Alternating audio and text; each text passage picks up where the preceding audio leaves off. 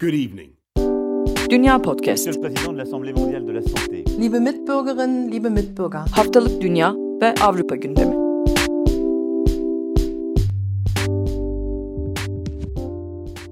Dünya Podcast'ten herkese merhaba. Ben Seda Karatabanoğlu. Program partnerlerim Nida Dinçtürk ve Akın Art'la birlikte geride kalan haftanın gündemini size aktarmak için yeniden bir aradayız. Bugün 23 Ocak Cumartesi. Koronavirüsle ilgili başlayacağız tabii ki ilk olarak. Çok uzunca bir süredir bizim birincil gündemimiz. İlk olarak Fransa gündemini aktararak başlayacağız. Fransa'da geçtiğimiz haftalarda sürekli aşının çok yavaş ilerlediğini söylemiştik. Hatta e, hem eleştiri hem alay konusu olmuştu bu. Geçtiğimiz haftada yani geride bıraktığımız haftada da sosyolog Pınar Kılavuz'la birlikte Fransa'da aşı çalışmaları neden yavaş ilerliyor sorusuna cevap aramaya çalışmıştık. Aslında bunun net bir cevabı olmadığı için de farklı alanlardan değerlendirmelerde bulunmuştuk. Bugün 23 Ocak Cumartesi ve Fransa'da 1 milyon aşı sınırı aşıldı. 1 milyon kişiye ilk doz yapıldı. Ocak ayı sonunda da totalde 1.4 milyon kişinin aşılanması planlanıyor. Sağlık Bakanı Olivier Véran'ın açıklamasına göre de Ağustos ayında tüm nüfusun aşılanmasının bitmiş olması bekleniyor. Sağlık Bakanı Olivier Véran Perşembe günü bir e, televizyon programına katıldı ve Kasım ayında Birleşik Krallık'ta tespit edilen varyantın çok hızlı bir şekilde yayılmasından dolayı eğer salgın durumu Fransa genelinde kötüleşirse üçüncü bir karantina sürecini açıkça reddetmedi. Bunun olabileceğine dair sinyaller verdi. Durum kötüleşirse daha sert önlemler alınabileceğiz dedi ve e, biraz hasta sayılarından bahsetti. Fransa'da 3000'e yakın yoğun bakım olmak üzere ülke genelinde yaklaşık 25 bin hasta hastanede tedavi görüyor. Olivier Véran bu durumun aslında Aralık ayından daha yüksek bir e, noktada olduğunu söyledi ve sağlık sistemine çok büyük bir yük olduğunu söyledi. Günde 200 ile 300 arası İngiliz varyantına dair vaka tespit edildiğini söyledi ve totaldeki Covid-19 vakalarının %1 ve 1,5'una denk geldiğini söyledi e, yeni virüs mutasyonunun. E, aynı programda Olivia Veran e, varyantın çok hızlı yayıldığını ve buna karşı daha sık önlemler alınması gerektiğini yineledi ve evde yapılan ev yapımı maskelerin kullanılmaması gerektiğini söyledi. Hemen ardından Fransa Tıp Akademisi bunun deyim yerindeyse yalanladı ve insanların kendi evlerinde diktikleri maskeleri kullanabileceklerini söylediler. Bu şu yüzden önemli. Koronavirüs Fransa'da tespit edildiğinde e, ilk dönemde yani 2020'nin Mart ayından başlayan süreçte maske sıkıntısı ve hidrolik e, jel sıkıntısı vardı. İnsanlara evde nasıl maske yapabileceklerini anlatan videolar e, sosyal medyada dolaşıyordu ve aslında Fransız yetkililer de bunu öneriyordu. Çünkü maske yoktu. Bir türlü gelmiyordu.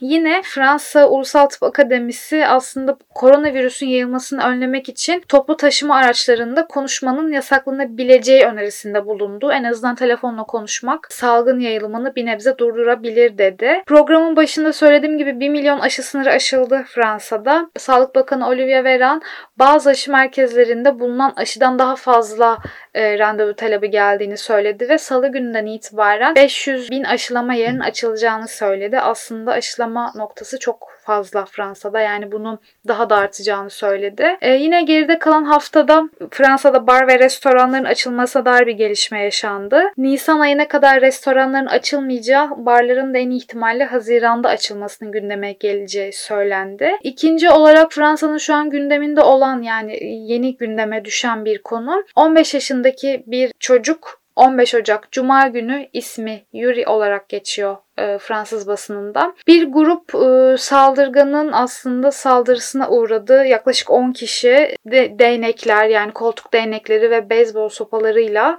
çok feci şekilde dövüldü. 15 Ocak'ta yaşanan bu olay yeni basına yansıdı. Kendisi hala yoğun bakımda hayati tehlikesini atlatmış olsa da çok ciddi bir ameliyat geçirdiğini söylüyor annesi.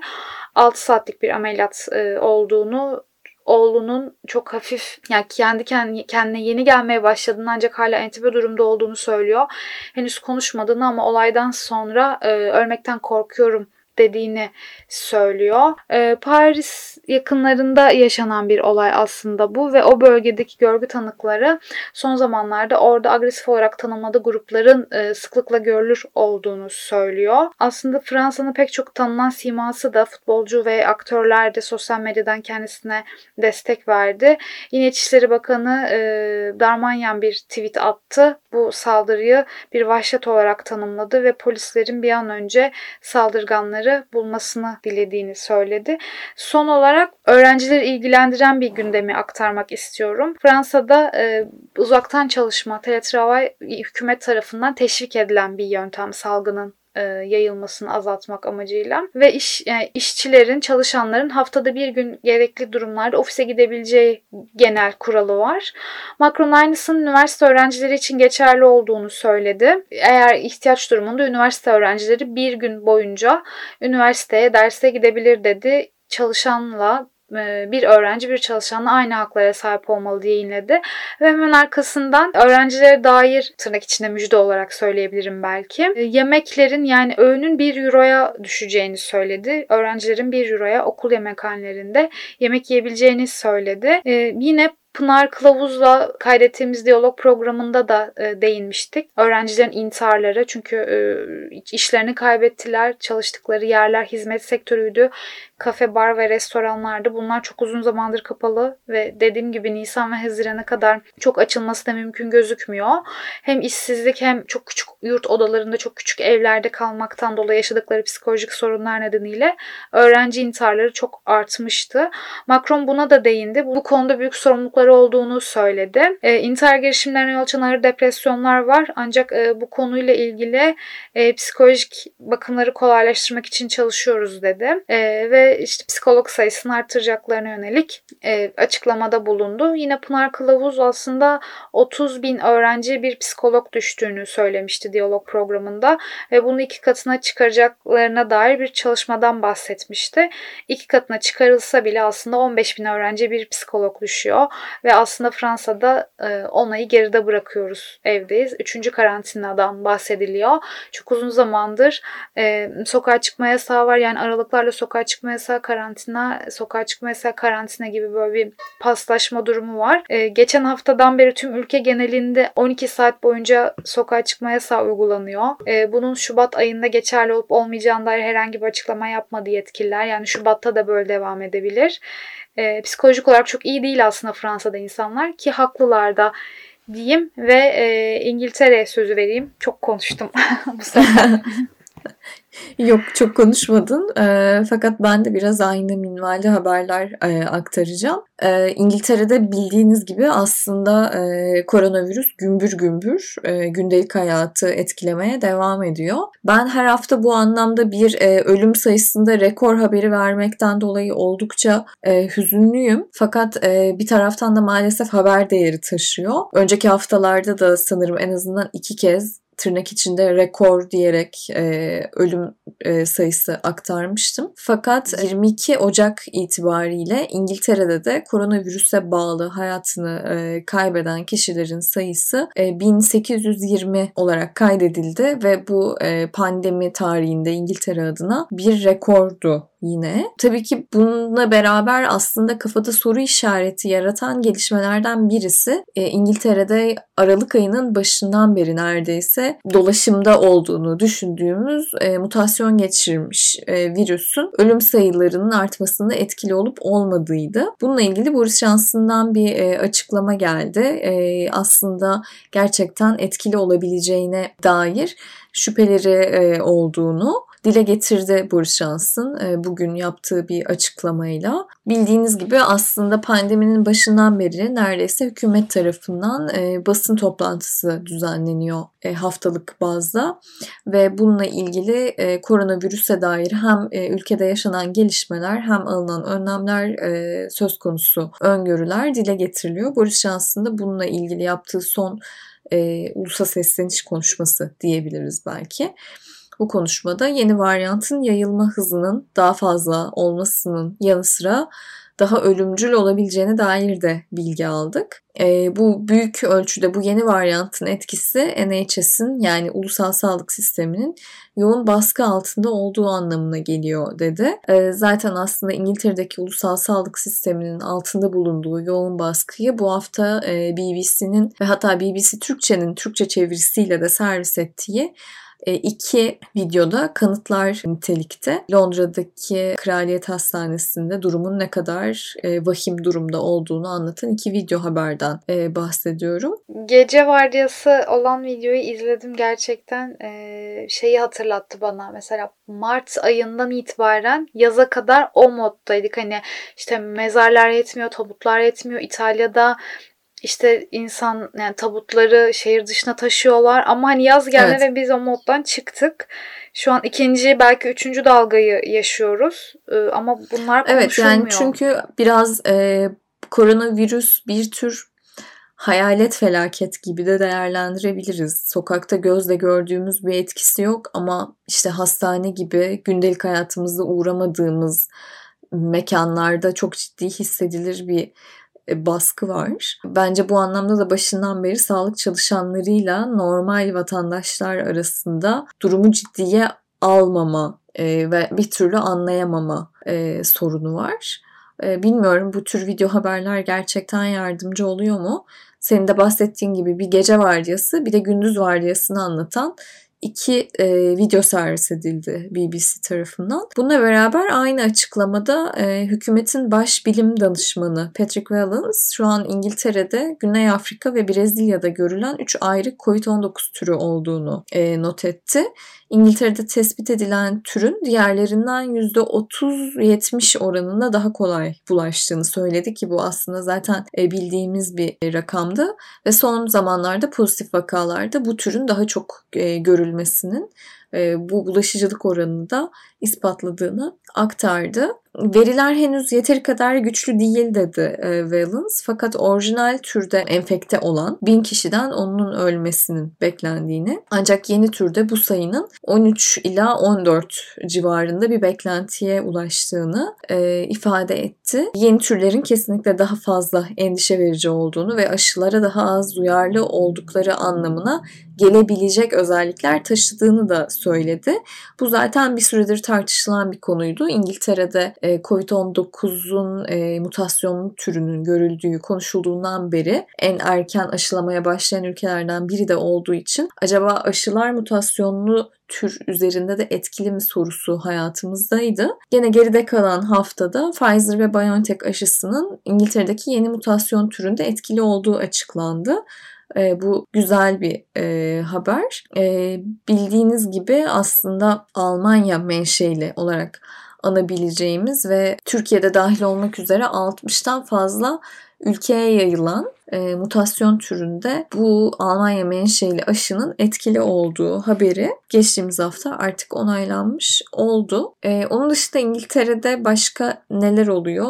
E, rakamlar bu kadar kötüye giderken gündelik hayat e, nasıl sürüyor ya da işte e, yaz boyunca konuştuğumuz gibi ekonomi tarafında ne tür gelişmeler var diye bakarsak e, İngiltere'nin önemli ekonomik kalemlerinden biri hazır giyim mağazaları e, satışlarında son 23 yılın en sert düşüşünü yaşadı e, bir şeklinde bir e, inceleme var. 2020 yılında %25.1 azaldığına dair İngiliz Ulusal İstatistik Ofisi tarafından veriler açıklandı. Bildiğiniz gibi zaten neredeyse pandeminin başından itibaren İngiltere ekonomik verileri takip ediyordu. Bununla ilgili endişelerini dile getiriyordu. Aynı biçimde ulusal karantinanın ilan edildiği dönemlerde hükümetin açıklayacağı ekonomik paketler de merak konusuydu. Bununla beraber maalesef ekonominin tansiyonunun düşmediğini görebiliyoruz. Son bir başlık tüm bu kötü tabloya rağmen aslında toplumsal bazda durumun vehametini nasıl kavrayamadığımıza dair e, önemli bir kanıt olabilir. Kuzey Londra'daki bir okulda yaklaşık 400 kişinin katıldığı bir düğüne polis tarafından baskın yapıldı ki e, mevcut durumda bırakın 400 kişiyi zaten 6 kişinin bile herhangi bir kapalı mekanda bir araya gelmesi yasaklı e, İngiltere'de. E, polis 10 bin pound para cezası kesmiş bu düğüne. E, 21 Ocak tarihinde gerçekleştiği not ediliyor ve binanın e, içi görünmesin diye pencerelerin özellikle kapatıldığı e, keşfedilmiş. Polis e, baskın yaptığında da tırnak içinde konukların çoğu kaçmış. Ancak memur söz ettiğim 10 bin poundluk cezayı organizatöre kesmiş. Aynı zamanda da mekanda yakalayabildiği 5 kişi için 200 poundluk cezalar e, kesmiş diye bir e, not var haberde. E, İngiltere'nin geride kalan haftadaki gündemi böyleydi. Gene aslında koronavirüs odaklı ve tansiyonu yüksek bir gündemdi. O tansiyonun bir o kadar Almanya'da da yükseldiğini gözlemliyoruz. Almanya'da neler oldu Akın? Evet Almanya'da da oldukça yükseldi. Öncelikle Merkel'le eyalet başkanları arasında yapılan toplantının arkasından önlemlerin son tarihi 14 Şubat'a kadar uzatıldı ve tartışmalı sayılabilecek e, Seda da bahsetmişti Fransa'da işte bu ev yapımı maskelerin e, işe yaramadığı meselesi vesaire. Bununla ilgili Almanya'da Avrupa'nın kalanı için de belki sonrasında emsal teşkil edebilecek bir olay yaşandı. Şimdi yerine göre değişiyor. Bizim eyaletimizde Kuzey Ren-Vesfalya'da pazartesi günü başlayacak. Berlin'de yarın başlayacak falan. Ve Burak Kılıç yüzünden Evet artık ya. eyaletimin adını söyleyemez Burak oldum. Kılıç'a selamlar. e, FFP2, N95 ve KN95 tipi maskeler toplu taşıma ve kapalı mekanlarda, alışveriş merkezlerinde vesaire zorunlu hale getirildi. Bu maskelerin risk grubundaki 34 milyon 100 bin kişiye dağıtılacağı söylenmiş. Yani bu benim anlamakta biraz güçlük çektiğim bir uygulama. Çünkü yani elbette dağıtılsın risk grubundakilere ama ücretsiz olarak temin edilmesi sizin gelir durumunuzla ilgili bir şey olması gerekir. Yani sağlık durumunuzun yanında. E kişilerin risk grubunda olmasıyla gelir güçleri arasında bir korelasyon olduğunu da herhalde varsayamayız. Yani neye göre böyle bir karar almışlar ondan çok emin değilim. Onun dışında maskelerin sağlanması gibi halkın tamamına bir şey yok. Bununla ilgili ben çok fazla talep de görmedim siyasi partilerden. Bir tek sol partinin Dilinke'nin krizin başından beri söylediği bir e, şey vardı, öneri vardı. Herkese 100 euro korona yardımı yapılması hem işte bu tarz hijyen ürünlerinin alınması hem de belki gelir kayıplarının bir miktar telafi edilebilmesi için. Katya Kipping e, Sol Parti'nin başkanı bunu tekrar dillendirdi. Onun dışında genel olarak bir e, görüş birliği var gibiydi bu konuyla ilgili. Daha önce Bavyera'da başladı bu uygulama. Bahsetmiştik ondan daha önceki programda. İlk karantinada olduğu gibi bazı radikal uygulamalar önce Bavyera'da Zöda tarafından uygulanıyor. Sonra Almanya'nın geneline yayılıyor. Yine öyle bir durumla karşı karşıya kalmış olduk. Şimdi Merkel AB ile koordineli çalışmamız lazım. Çünkü bizim emeklerimiz yani Avrupa Birliği içerisinde bir uyum sağlanamadığı sürece, bir akıl birliği sağlanamadığı sürece boşa gidecektir demiş. Avrupa Birliği liderleri arasında da bir e, diyalog başlatılmış bu konuda. E, mevcut risk seviyesini belirleyen trafik lambalarının arttırılması gibi bir sonuç çıkmış ilk olarak. Koyu kırmızı da eklenecekmiş yani bu risk bölgelerini tanımlamak için. Onun dışında aşı olanların... Bunu Fransa'da yapmıştı. Ha evet yani çok önemli. Yaz döneminde. çok da önemli bir şey değil aslında. Sınırların kapatılması istenmiyor ama seyahat kısıtlamaları gündemde. Bu da yani çok bilmiyorum makul yani seyahat kısıtlamaları bildiğiniz gibi çok fazla işlenebilen ve kontrol edilebilen şeyler maalesef olamıyor genelde. Bu kısıtlamalar nakliyat işçilerini ya da işte iş eğitim için düzenli olarak sınır geçmek zorunda olan insanları dışında bırakılarak yapılacakmış vesaire. Şimdi bir yandan çok sert önlemler alınıyor. Dediğim gibi bu FFP2 maskesi zorunluluğu herhalde sert bir önlem sayılabilir. Ama bir yandan da belli başlı garip tartışmalar, garip yerelliklerde çıkabiliyor. Yani şöyle bir şey oldu hafta içinde okudum. Bond'a ayakkabı dükkanlarının sadece çocuk ayakkabıları satılması koşuluyla açılması gündemde şu anda. Bunun da gerekçesi işte çocuklar çok hızlı büyüdüğü için yeni ayakkabılara ihtiyaç duyabiliyormuş bilmem ne. Yani bir yanda müthiş bir toptancı ve sert yaklaşım var belli konularda. Bir yanda da çok küçük detaylar üzerinden yapılan bir takım esnemeler var. Bu da Almanya'nın maalesef hala korona politikaları konusunda bir strateji çizmekten uzak olduğunu gösteriyor. Yani aşı konusunda bir takım hedefler var. Umarım bunlara ulaşılabilir. Bunlara ulaşılabildiği takdirde belki birkaç ay içerisinde bir stratejiden vesaireden söz etmemiz mümkün olur. Fakat şu an her şey kaotik gözüküyor. Bana en azından öyle gözüküyor. Hükümetin açıklamalarından da genelde insanlar bu tarz bir elektrik alıyor diyeyim. Şimdi bununla bağlantılı bir başka ilginç habere geleceğim. Bence bu haftanın bugün ortaya çıkan bir haber. En ilginç haberi de bu. Yine Thüringen'da bu dönemin en çok tartışılan eyaletlerinden biriydi Almanya'da. Weimar'da yer alan mahkeme Nisan 2020 tarihinde korona önlemlerini ihtira, ihlal ettiğini söylenen bir kişinin davasını ele almış. Şimdi Alman bir genç 24 Nisan'da 7 arkadaşıyla birlikte arka bahçede doğum günü kutlamış. Bu süre zarfında hane halkı dışından sadece bir kişiyle buluşmanıza izin var. Dolayısıyla bu yasağı çiğnemiş olmuş. Ve kendisine 200 lira para cezası kesilmiş. Mahkemeye gidilmiş. Mahkeme de beraat etmiş bahsettiğimiz kişi ki bu Almanya'nın başka yerelliklerinde de daha önce olmuş.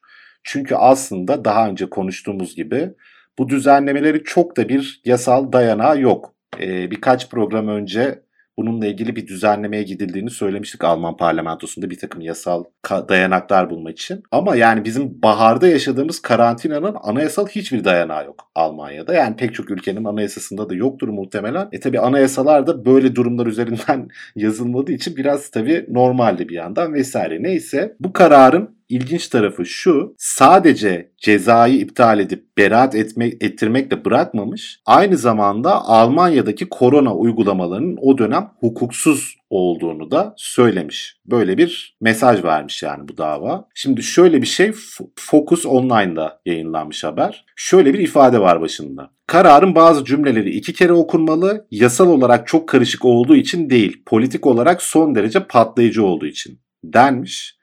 Gerçekten de öyle. Şimdi karar henüz yasal olarak kesinleşmemiş. E, fakat mahkeme sadece eski örnekle yetinmemiş onu söyleyeyim. Yani Nisan'da gerçekleşen olayın dışında mahkeme tutanağında Kasım 2000 yani bu Kasım'da başlayan ve iki kez uzatılan şeyin de e, lockdown'un da kapatmanın da e, çok da işe yarar bir kapatma olmadığının görülmüş olduğuna dair mesela ifadeler var. Çünkü vaka sayılarını durdurmadı denmiş. E, şöyle bir ifade 19 sayfalık bir kararname bu arada. Politik karar vericiler toplumun temellerine saldırmış, bireylerin özgürlüğünü kabul edilemez bir şekilde kısıtlamışlardır diyor kararnamede. Almanya'nın başka bir yerinde veya Thüringen'da bu Nisan döneminde bir sağlık acil durumu ilan edilmedi diyor. İşte Allgemeine Gesundheitsnotstand ifade bu. O yüzden inanılmaz Burak Kılıç bu kısmı çok sevecek ya. o yüzden o yüzden devletin bu kadar abartılı adımlar atmaya yetkisi yok böyle bir hal ilan edilmediği için demiş. Ya böyle uzun uzun gidiyor. Şimdi bütün detaylarını okursam çok uzayacak ama dediğim gibi bir bu lockdown'un çok da işe yaramadığını mevcut içinde bulunduğumuz lockdown'la ilgili söylemiş. İki, bir önceki lockdown'un hukuksuz olduğunu söylemiş. Yani bunu belge altına almış. Üçüncüsü, onu da ekleyelim şimdi. Karar henüz kesinleşmedi. Bununla birlikte aynı zamanda federal savcılık reddi hakim deniyor sanırım bu duruma. Yani hakimin değişmesi için ve davanın yeniden görülmesi için başvuruda bulundu. Fakat bu şekilde geçerse her ne kadar yereli bağlayan bir karar olsa da bu başka yerler için emsal teşkil etmesi söz konusu belki olabilir. Emsal teşkil etmese bile ciddi bir kurumlar krizi demek bu. Yani bir yerde federal mahkeme bir federal hükümet bir karar alıyor.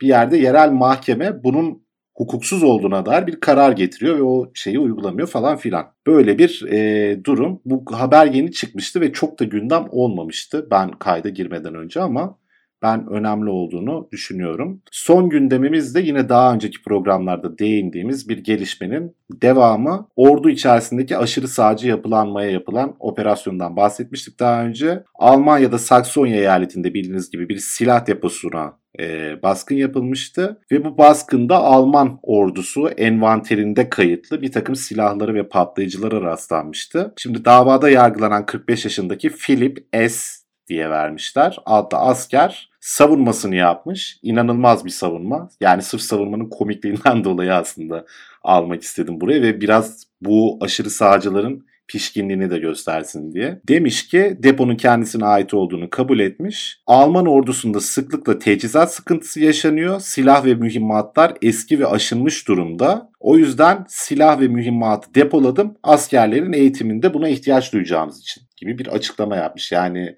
neye cevap veriyor, bu ne iddia ediyor anlaması çok güç bir savunma gerçekten. Bir de e, o dönemki bölük komutanının vedası sırasında o veda partisine de daha önceki programımızda yer vermiştik detaylarında bir takım abuk subuk aşırı sağcı ayinleri içeren bir veda partisi yapılıyor bölük komutanlarına. Ev sırasında silah ve cephaneliği özel arazisine gömmüş. Burada AK-47 piyade tüfeği varmış bir tane. Onu dekorasyon olarak saklamak istemiş. O yüzden aldığını Aa, söylemiş. AK-47 Kalashnikov değil mi? Kalaşnikov ha. Yani Alman ordusunda demek piyade tüfeği olarak kullanılıyormuş. Bir dönem mi artık bilmiyorum yani. Saksonya eyaletinde işte bir olduğunu söylemiştik zaten. E şimdi Sol Parti'nin daha önce verdiği bir soru önergesi vardı bununla ilgili. Yani bunların hiçbirinin tesadüf olmadığı zaten belli de bu savunmanın saçma sapan tarafından.